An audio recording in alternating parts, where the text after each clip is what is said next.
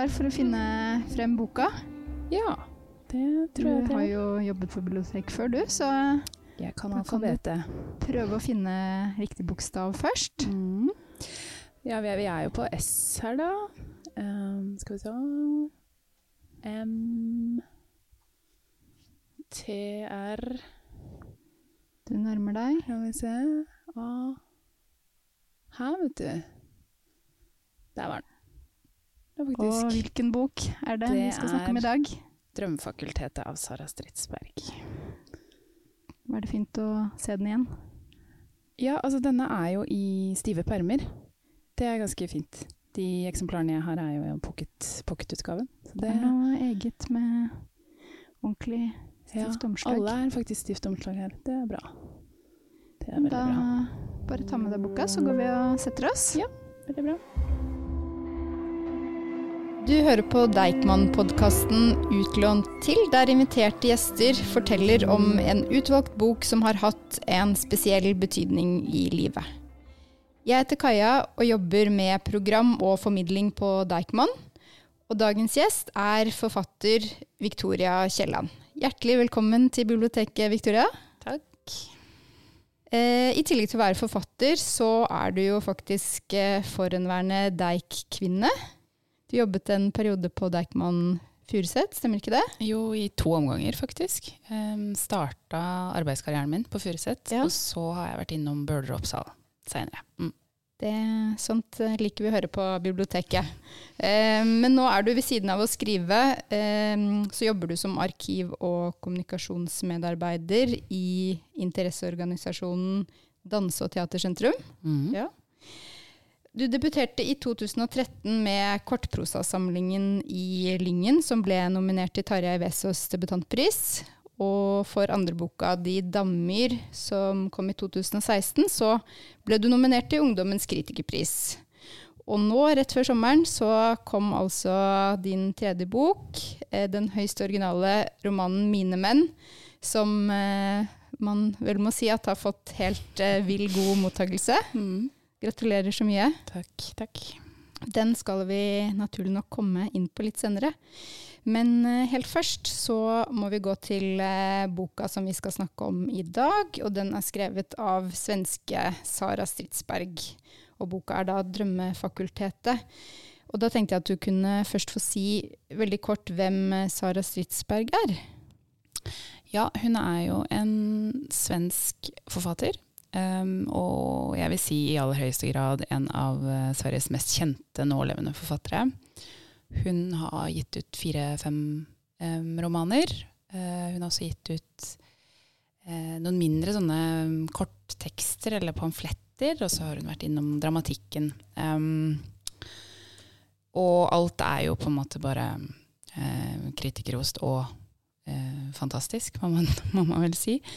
Eh, Og hun vant og- vel Nordisk råd også for Drømmefakultetet. Ja. Mm Eh, og det var jo på en måte da hun ble mer kjent for et bredere publikum, da. Mm. Og det var nok også da jeg oppdaga henne med den boka. Og hun skriver jo Uh, ofte om uh, hva skal man si, historiske skikkelser, kvinner og menn for så vidt, som har levd. Um, og eh, gir de liv og en ja, plasserer det inn i en si, ny sammenheng. Da, men ofte så skriver hun om, sånn som jeg opplever det, litt sånn skjebner som faller på utsida av Mm. eh, det etablerte samfunnet. Eller, ja.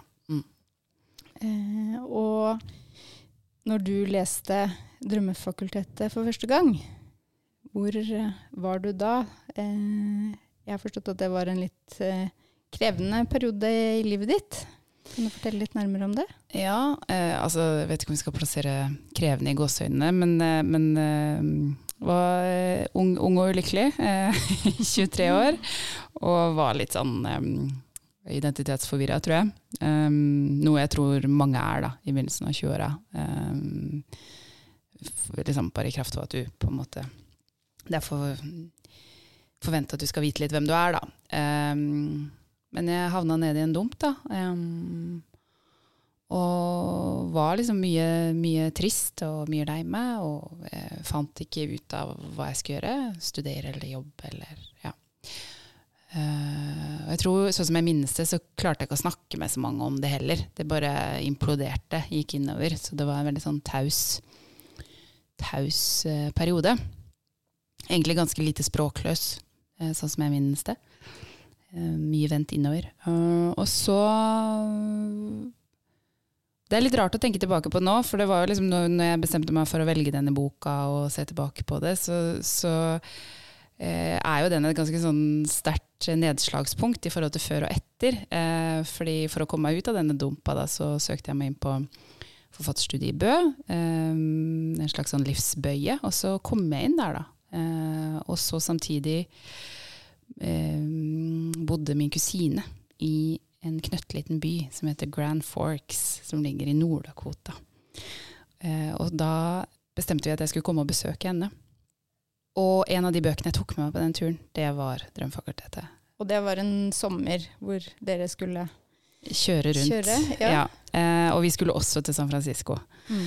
Så det var en, sånn, en reise som hadde på en måte hele USA inni seg. Eh, både liksom eh, de flotte bakkene og det, i San Francisco, eh, som ja bylandskapet, som mange kjenner, men også denne evinnelige liksom, kjøringa eh, på lange, lange, lange, lange strekninger.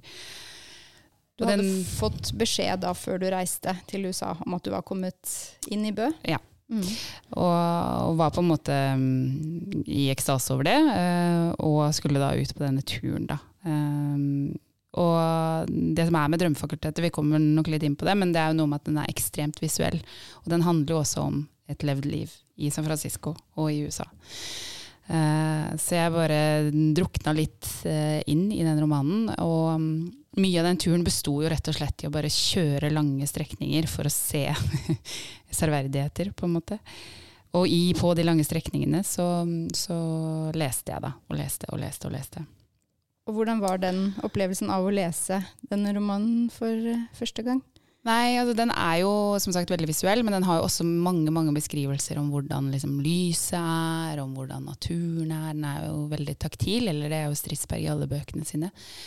Så det var jo en sånn utrolig sånn um, patosfylt og veldig sånn emosjonell sånn speilfunksjon. da, At jeg følte meg liksom i ett med litteraturen, eller i ett med liksom at nå skulle liksom livet by på noe nytt. da. Eh, det en, høres ut som det var en reise i mer enn én forstand. Ja, ja, så det var jo ja, veldig, veldig sånn vei inn i det universet som jo er, bretter seg jo utover, på en måte, eh, i den boka. Um, men også når man Det er jo ganske stort å komme til USA for første gang og, og kjøre på disse veiene og se dette landskapet, for det er jo også like Det bretter seg jo ut. Det er jo så gigantisk. Og det er jo et bilde som mange uten å ha vært der selv, kanskje har i sitt indre dette bildet av disse veiene og disse mm. strekningene, og faktisk befinne seg midt i det. At det var stort i seg selv. Mm. Og så var, var, det nok også en sånn opplevelse av eh, den boka som på en måte tar for seg liksom, bylivet i, i, San Francisco, altså i California. Mens vi drev og kjørte rundt i disse nordstatene, som også var veldig sånn, en liten kontrast da, til alt dette svette eh, ørkenfylte landskapet, mens vi kjørte i sånne veldig flotte, um, grønne frodige liksom Wyoming og ja, eh, sånne steder. Så det var også en slags kontrast. Da. Men det var liksom den dob dobbeltheten i at litteraturen var så svær, og at, liksom at eh, Amerika var enda større. Da. Det høres veldig merkelig ut å si det, men det, det var veldig sånn det høres eh, storslagent ut. Og Nydelig. denne eh, storheten hos eh, Stridsberg, da, som jeg forstår at du har latt deg berget av. Eh, den må vi snakke litt mer om. Og eh, nå har vi allerede vært inne på det at Stridsberg gjerne skriver om såkalte ekte mennesker, altså mennesker som har, har levd, men hun gjør det på en eh, ganske spesiell måte, og vi skal komme inn på det. Men først så um, vil jeg gjerne at du sier kort uh, hvem denne hovedkarakteren i Drømmefakultetet er. For er jo, hun er jo både en karakter, men hun har jo også eh, levd på ordentlig, da, denne Valerie. Mm. Den handler jo om eh, Valerie Solanas, som var um, ei kvinne som um, Hun ble født i 1936 Og hun var sjøl forfatter og det man i dag definerer som en slags ekstrem feminist. Uh, og man vet ikke så mye om livet hennes sånn egentlig, men, men man, det man har sammenfatta, var at hun levde et ganske hardt liv da, i New York. Um, og at hun prostituerte seg, og at uh, det var på en måte ikke en lett tilværelse, og at hun kanskje hadde en, sånn, en stor lengsel etter å bli kunstner, da, på en måte. Og det hun står igjen i historien som, er jo at hun uh, prøvde, å prøvde å drepe Andy Warhol, altså ved å skyte han. Eh, angivelig da fordi eh, hun ville jo bli kunstner. Hun hadde skrevet um, um, teaterstykket 'Up Your Ass', som hun da hadde levert til han. Og det stykket handler jo om en mannshatende kvinne som også prostituerte seg. Um, og levde på gata. Det manuset ga hun til Andy Warhol, og han tok det imot. Eh, og så eh, leste han det vel aldri, gjorde ikke noe med det, og hun ble så rasende når han ikke returnerte manuskriptet at hun dro for å skyte han. da. Eh, og hun traff, men han eh, overlevde? Han overlevde. Så mm -hmm. kan man se på den, Det finnes vel noen ganske kjente bilder hvor han er avfotografert med disse arrene i magen. da. Uh, og så er hun også kjent for å ha skrevet manifestet Scum, um, 'Society of Cutting Up Men'. Uh, men hun var, hun var, jo en mer mangefasettert skikkelse, uh, og det er jo det Drømmefakultetet handler om. Hvem var Valerie Solanas, eller hva mm. skjedde med henne? Hva, hvordan levde hun livet. Eh, Et slags forsøk kanskje på å eh, få en forståelse av hvordan det kunne ende som det gjorde, da. Fordi hun ble jo funnet død på et hotellrom i San Francisco i en ganske spesiell positur. Og jeg tenkte at du kunne lese fra innledningen, um, sånn at vi får et uh, innblikk i dette universet. Mm. Den 30. april finner hotellpersonalet liket av henne. I politirapporten står det at den døde ligger på kne ved sengekanten. Har hun forsøkt å komme seg opp i sengen? Har hun grått? Det står at rommet er i perfekt orden. Sirlige papirbunker på skrivebordet, klærne sammenbrettet på en pinnestol ved vinduet. I politirapporten står det også at kroppen er dekket av mark og at døden trolig har inntruffet omkring den 25. april. Noen uker tidligere, står det videre i rapporten, har noen av hotellpersonalet sett henne sitte og skrive ved vinduet. Jeg tenker meg bunker av papir på skrivebordet, sølvkappen på en henger ved vinduet og lukten av saltvann fra Stillehavet. Jeg tenker meg en feberhet Valerie i sengen hvor hun prøver å røyke sigaretter og ta notater. Jeg tenker meg utkast og manuskripter overalt i rommet. Sol, kanskje, hvite skyer, en ørken av ensomhet. Jeg tenker meg at jeg er der hos Valerie. Tusen takk. Eh, det er en sterk start. Hva skjer eh, i denne åpningen? Nei, det er jo at boka starter med hennes død, da. Eller at noen andre finner henne. Eh, etter hun er død, egentlig. Um, og det jeg syns er kanskje noe av det sterkeste eller det sterkeste bildet her, er jo det at hun ligger på kne ved sengekanten. Altså hun er i en bedende posisjon. Um, at hun trygler eller ber til Gud eller har gitt opp. Altså det er mange, mange konnotasjoner knyttet til denne å, være, å liksom stå på kne. Uh, det kan også være at man er henretta eller liksom lent fremover som om man er skutt, på en måte. Um, så det er Veldig symboltungt og Veldig. Og at det er um, At det er også en beskrivelse av at kroppen hennes er liksom full av mark. Så det er liksom noe med at det også er to motstridende bilder. At en kan sitte på kne, men også være full av mark. Det er, noe, det er så utrolig sånn sterkt. Og at det er en, referert fra en politirapport, som betyr at noen har stått og sett på og skrevet hva de ser. Ja. Og så, i motsetning til resten av romanen, så det er jo liksom her fantasien starter, da. Ja, og det er jo på en si. måte her fortelleren trer veldig tydelig frem. Mm. da, som er på en måte, En ting er som jeg nevnte innledningsvis, at den er veldig visuell og veldig taktil og eh, stor. Men den, er, den eh, romanen problematiserer jo nesten hele tiden at den forteller om et menneske det den ikke kan vite noe om, da, eller ikke vite noe av hva det, av Valerie Solanas tenker. Og det tenker jeg er veldig sånn godt etablert her i begynnelsen. Det at, hun, det at fortelleren hele tiden mm, refererer til seg selv som jeg, og at det startskuddet går i det at fortelleren sier 'jeg tenker meg at jeg er der hos Valerie'. Da er hele fiksjonen er på en måte spent opp som et lerret. At det er en fantasi fortelleren har. Eh, for fortelleren var jo aldri der. Fortelleren refererer til politirapporten og alle forestillingene ja, som kommer deretter. Da. At det blir en måte å uh, få tydeliggjort den umulige oppgaven som fortelleren har. Da men allikevel forsøker seg på. Mm, og at der er også der på en måte forfatteren trer inn i noen av sprekkene her. da. At mm. forfatteren heller kan aldri vite. Så forfatteren lager en forteller som er helt åpen om at fortelleren aldri kan vite. Så det er noen sånne forskyvninger i fortellerinstans som ofte kan man snakke om en utroverdig forteller i mm. en del romaner. Og her er det jo åpenbart at fortelleren er selvreferensiell. Den peker tilbake på at dere kan ikke stole på meg, for jeg bare finner på masse ting. Og legger ikke skjul på det i det hele tatt. Nei. Valerie er jo hovedkarakteren, men eh, det er ganske mange andre karakterer som dukker opp i denne fortellingen. Det er en mor, blant annet. Ja, jeg vil jo si at moren, som heter Dorothy, er jo en ganske sentral skikkelse. Eh, og så er det jo en far som heter Louis. Og så er det jo en, en rekke eh, fantasivenner, kan man nesten si. Det er litt sånn, Av og til så, så er det litt uklart om det er fantasivenner eller ekte mennesker, men det har på en måte ikke så mye å si ofte. Men det gir jo en veldig sånn sterk assosiasjon til en fantasiverden, da. En litt sånn barnlig lek. Uh, og, og, da dukker det opp ulike karakterer som på en måte fyller ulike funksjoner. Da, i, i, fordi hun snakker jo mye med seg selv. Denne boka er jo veldig dialogpreget. Enten hun snakker med liksom, sykepleiere eller professorer eller eh, moren sin eller ja. Så, så, det er liksom en bok som trenger Eller den, den lar hovedpersonen sin snakke, da. Mm. Uh, men, det, men, som sagt, jeg syns jo morsportrettet er ganske sentralt. Um, nettopp fordi at det er så, um, det er så hardt, da. Hvordan, uh, hvordan mor og datter les, lever i en symbiose, men også i en sånn um, Hva skal man si Mor avviser datter Altså moren til Valerie Solanas avviser uh, Valerie hele tiden.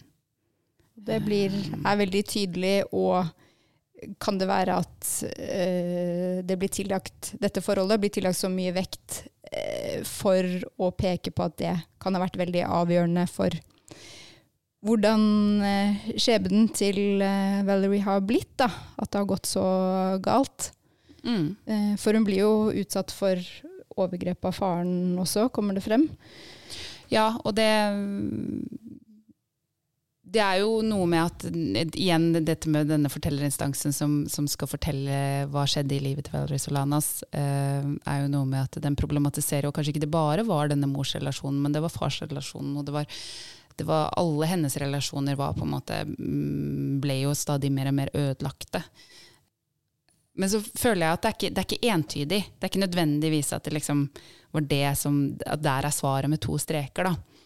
Eh, for hun prøver jo å ta seg sjøl i nakken og mm, ta gode valg for seg selv. Eh, men det går jo ikke så bra, da. Nei. Men tilbake til formen, um, som vi har vært inne på. Den uh, er jo veldig vesentlig, og eh, det er vel helt umulig å snakke om denne romanen uten å snakke om formen. Og det er ikke så enkelt å skulle gi et handlingsreferat, men kan du ikke likevel si noe om uh, hvordan denne boka er bygd opp, bare for å få en forståelse av Man får jo noen glimt inn i noen avgjørende perioder i hennes liv. Ja, og det var kanskje det som på en måte var så magisk for meg når jeg leste det første gangen. Det er jo noe med at språket er så eh, vakkert, da. Og språket er Det inneholder på en måte både helt sånn groteske beskrivelser og eh, vakre mm, beskrivelser. Og at det eh, sammen med denne formen gjør det helt sånn vanvittig altså, og det var jo det som var den sterke opplevelsen jeg oppdaga denne boka. var at liksom, Jeg visste ikke at det var mulig å skrive sånn, jeg visste ikke at det var lov. Jeg visste ikke at det var jeg visste ikke at uh, det, bøker kunne si noe om livet uh, på en så hva skal man si, oppsty, oppstykka måte, da. For det kan, må man kanskje si at denne romanen er. Den er veldig oppstykka. Ja, det glipper ganske ofte. Ja, og den er liksom delt inn i dialog, og så litt fortellende, og så er det en jeg-person som forteller, og så er det en snakkes det til et du, men man vet aldri helt hvem du er. Av og til kan det være moren, av og til kan det være partneren, av og til kan det være professoren, eller det kan være systemet, det kan være sykehusene, det kan være psykiatrien. Så den, den, den går liksom eh, den, den flyter hele tiden i et sånt tankelandskap da, som mm, i all hovedsak er plassert inne i Valerie. Da. Eh, og så går man inn og ut av disse samtalene hun har eh, med omgivelsene sine. Er hun i en liksom Jeg vil ikke si at hun er i en psykose, men hun er kanskje i en sånn medisinert døs til tider. Av og til er hun lynklar. Det er åpenbart at hun er lynintelligent. Hun studerer jo, skal jo bli psykolog. Altså, det, som du sier, det er vanskelig. Kort fortalt, den begynner med slutten, og så kommer man inn i det. Eh, og så hopper den i tid, sted og rom, men det er samtidig et lappeteppe som du alltid liksom klarer å liksom favne noe av voldsomhetene og grufullhetene som ligger under. Da. Mm. Men hva tenker du om eh, dette litterære prosjektet? Hva kan være årsaken til å benytte denne formen, og i det hele tatt skrive om Valerie Solanas, eh, så dette ekte mennesket, da? Ja, nei, jeg tenker jo at det er liksom todelt, da. At, at Sara Stridsberg har på en måte gjort det umulig for seg sjøl å skrive om en hun ikke har tilgang til. Um, det er jo også en hva skal man si, litterær potent debatt. Kan man skrive om erfaringer man ikke har hatt selv? Men jeg tror, hun, jeg tror jeg opplever at dette prosjektet er såpass viktig for Valerie Solanas. er det liksom en, en kraft som er interessant å prøve å forstå. Hva er det menneskelige eh, ved denne historiske skikkelsen? Og hva er det vi kan Jeg vet ikke om man skal snakke om å lære av henne, men at det er liksom noe med disse kvinnene som har blitt definert som hysteriske eller gale. altså Noe menneskelig er det ved dem, og hvordan kan man komme inn i det? Eh, og så er det det med skri fortelleren, da, eller skrivemåten og formen. At, at hun er jo seg selv helt bevisst at dette er umulig, så da må hun skape denne fortelleren. Og hun må skape disse hoppene i tid, sted rom, og disse fantasivennene. Og sammen da, med henne som figur, da, hvis man kan snakke om henne eh, som en endimensjonal figur, så er det jo alle disse stemmene, altså dette koret av stemmer, som utgjør henne som menneske. da. Alt det som går i den ene retningen og i den andre retningen. Altså det beskriver jo et kaos som, som samles mellom to permer. da. Og få det er- beskrevet liksom et helt liv også, altså alle skyggesidene, alle nyansene. Det er ikke bare eh, de tabloide overskriftene for altså Den ekte Valerie Solanas Mm. er jo Det har jo foregått både en fetisjering og en eh, eh, Hun fremstår jo som en litt sånn mytisk eh, figur som har hatet alle Mm. menn og ville drepe dem. og eh, Veldig lett å liksom la seg fenge av en sånn overskrift. da. Mm. Og så tenker jeg at eh, det slo meg akkurat nå, da, at det å denne boka er så visuell at man kunne sett for seg at den kunne blitt laget en film av. Men det er noe med at um, språkets mulighet, eller hva skal man si Dette litterære prosjektet jobber jo med noe som finnes mellom alle disse stemmene, som det ville vært kjempevanskelig å kunne klare å skildre på film. Da, Mm. da måtte du oversatt mange av disse denne polyfonien av stemmer. Da, da måtte du oversatt til kanskje rene klipp uten språk. Så det er liksom noe med å se hva eh, Nettopp fordi det er litteratur, det er ikke en annen form. Akkurat, den gjør akkurat det litteraturen skal gjøre. Da? Den, den film, filmmediet kunne ikke gjort det her. Fordi det liksom peker på noen sånne lysende sprekker i oss som mennesker, da. Som, som er rent språklige, men også ja. Det er litt vanskelig å, å være konkret på det, men jeg, men jeg, men jeg tenker at hun, hun, hun viser hvor utilstrekkelig hun er som forfatter, og så viser hun hvor stor drømmen om et annet liv kan være. Da. Ja, og apropos drømmen, altså denne tittelen, 'Drømmefakultetet', eh, hva tenker du om den? Den sier jo eh, Illustrerer jo godt eh, noe av det vi allerede har kommet inn på, da. Ja. Og det, er vel, det sier vel fortelleren på et eller annet tidspunkt, fordi fortelleren Mm. har jo også disse dialogene med Valerie når hun ligger på dødsleiet. Hvem skal fortelle din historie? Hvem skal, hvem skal liksom få kjenne til deg? Og hvem vil, Hun spør vel også vil, Jeg vil ikke at noen skal skrive meg, om meg etter jeg er død. Og så vil forfatteren, eller fortelleren, da, vil jo gjerne ha notatene og vil gjerne ha liksom skribleriene hennes. Og så er det en pågående samtale gjennom boka. Skal fortelleren få lov til å fortelle om henne etter hun er død? Som er sånn fiffig grep, da. Eh, og da sier vel fortelleren den, denne boka, mitt, eller den boka som skal skrives om deg, er mitt drømmefakultet. Da. Altså det er noe med alle de brustne drømmene og, som kan gjengis da, når hun er langt borte og kanskje har fått fred. Jeg vet ikke. Men du, um, nå tenkte jeg vi skulle ta en liten avstikker til din egen roman, før vi vender tilbake til Drømmefakultetet igjen. Eh, fordi du har jo, i likhet med Stridsberg, også eh, skrevet en litterær fantasi over et eh, levd liv. Og det er nok ikke alle som har rukket enda å lese romanen din, så kan ikke du si to ord om denne virkelige kvinnen som du har eh, skrevet om? Ja. Um, jeg har skrevet om en kvinne som um, på slutten av livet sitt het Bell Gunnes. I begynnelsen av livet sitt så het hun Brynhild Størseth Gjære. Hun, eh, kort fortalt, eh, var en seriemorder. Eh, hun emigrerte til USA fra Selbu i Trøndelag. Og um, skal angivelig um, ha tatt livet av ja, rundt 30-40 menn. Delvis lokka hun en del av dem gjennom å skrive kontaktannonser og svare på kontaktannonser, som var i da norskspråklige aviser i um, Minnesota cirka. Ja, hun bodde også i disse nordstatene hvor jeg har reist. Ja. Mm. Det er jo en fascinerende historie du har tatt utgangspunkt i også.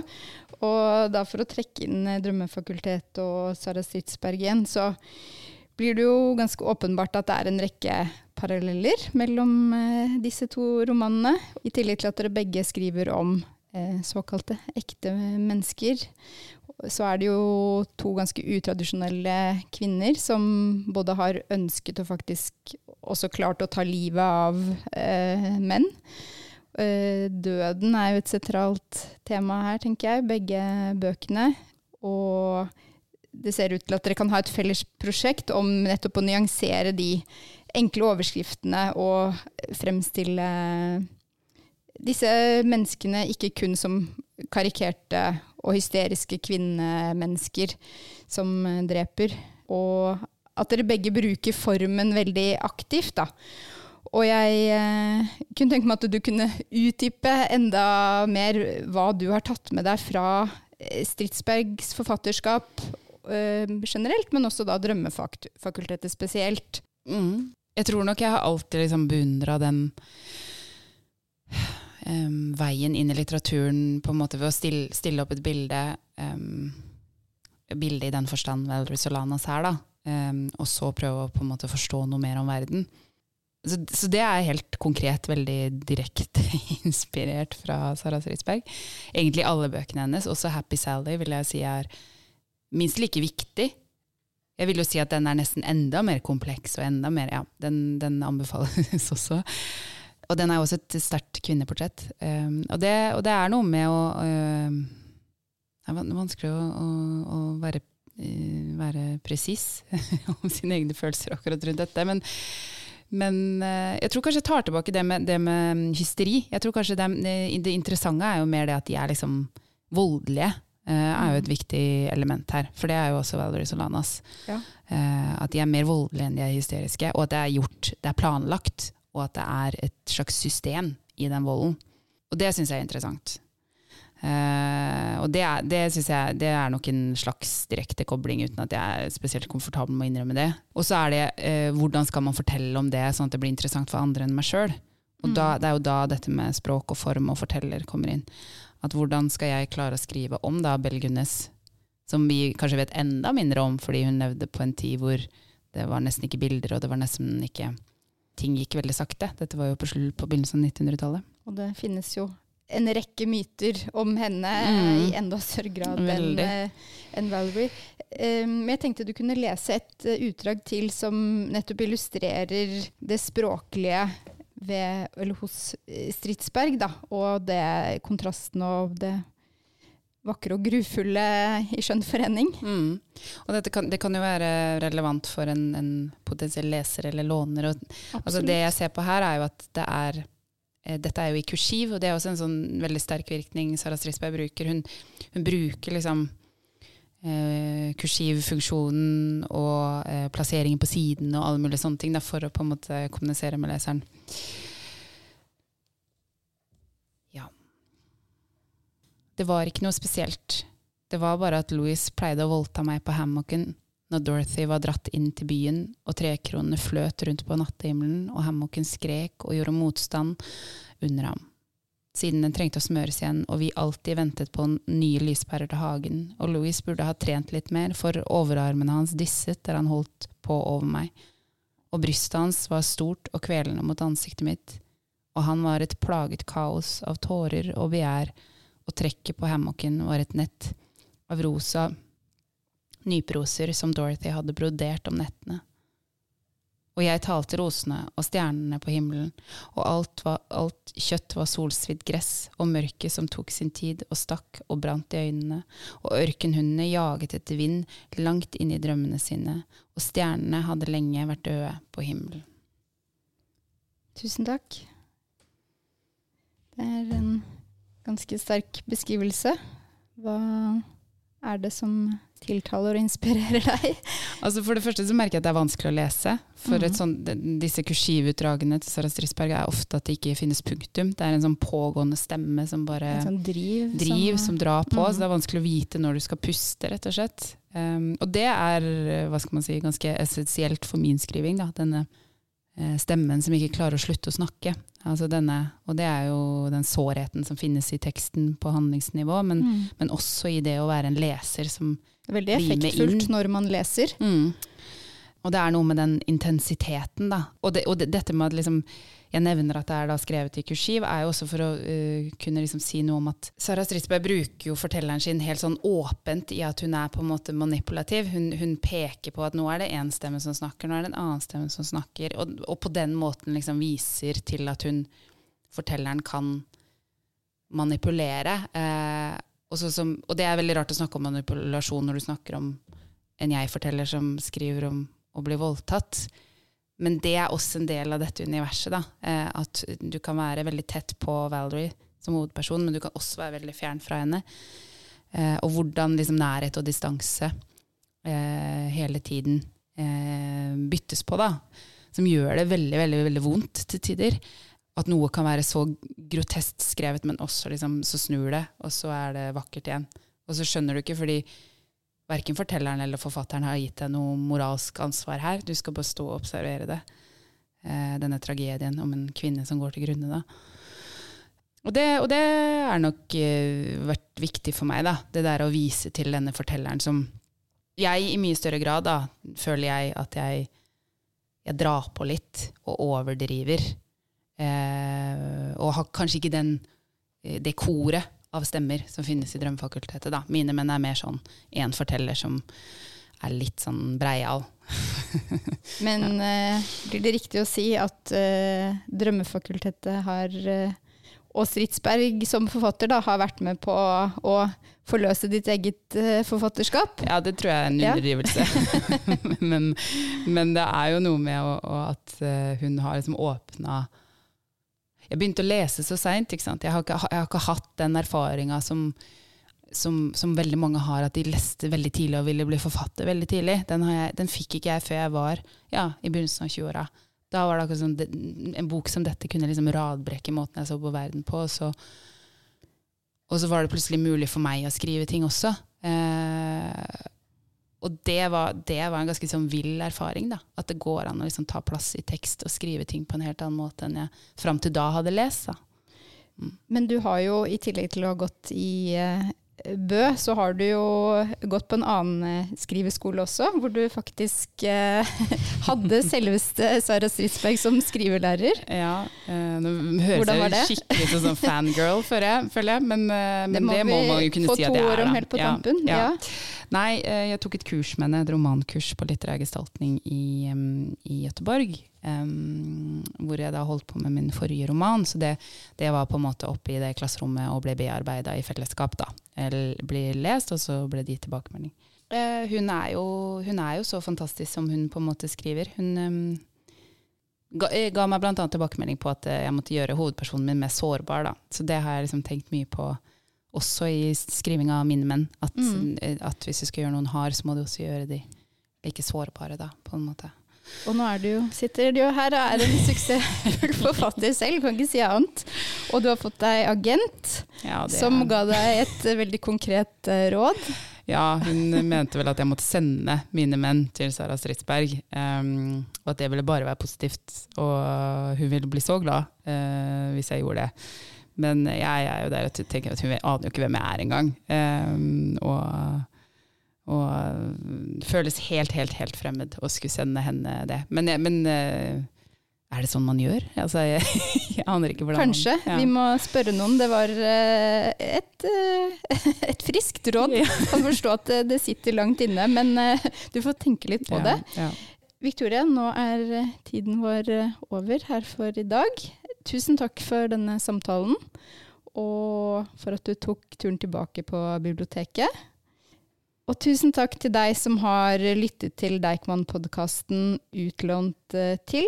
Bøkene som vi har snakket om er 'Drømmefakultetet' av Sara Stridsberg og 'Mine menn' av eh, Victoria Kielland. Begge kan naturligvis lånes og leses på biblioteket.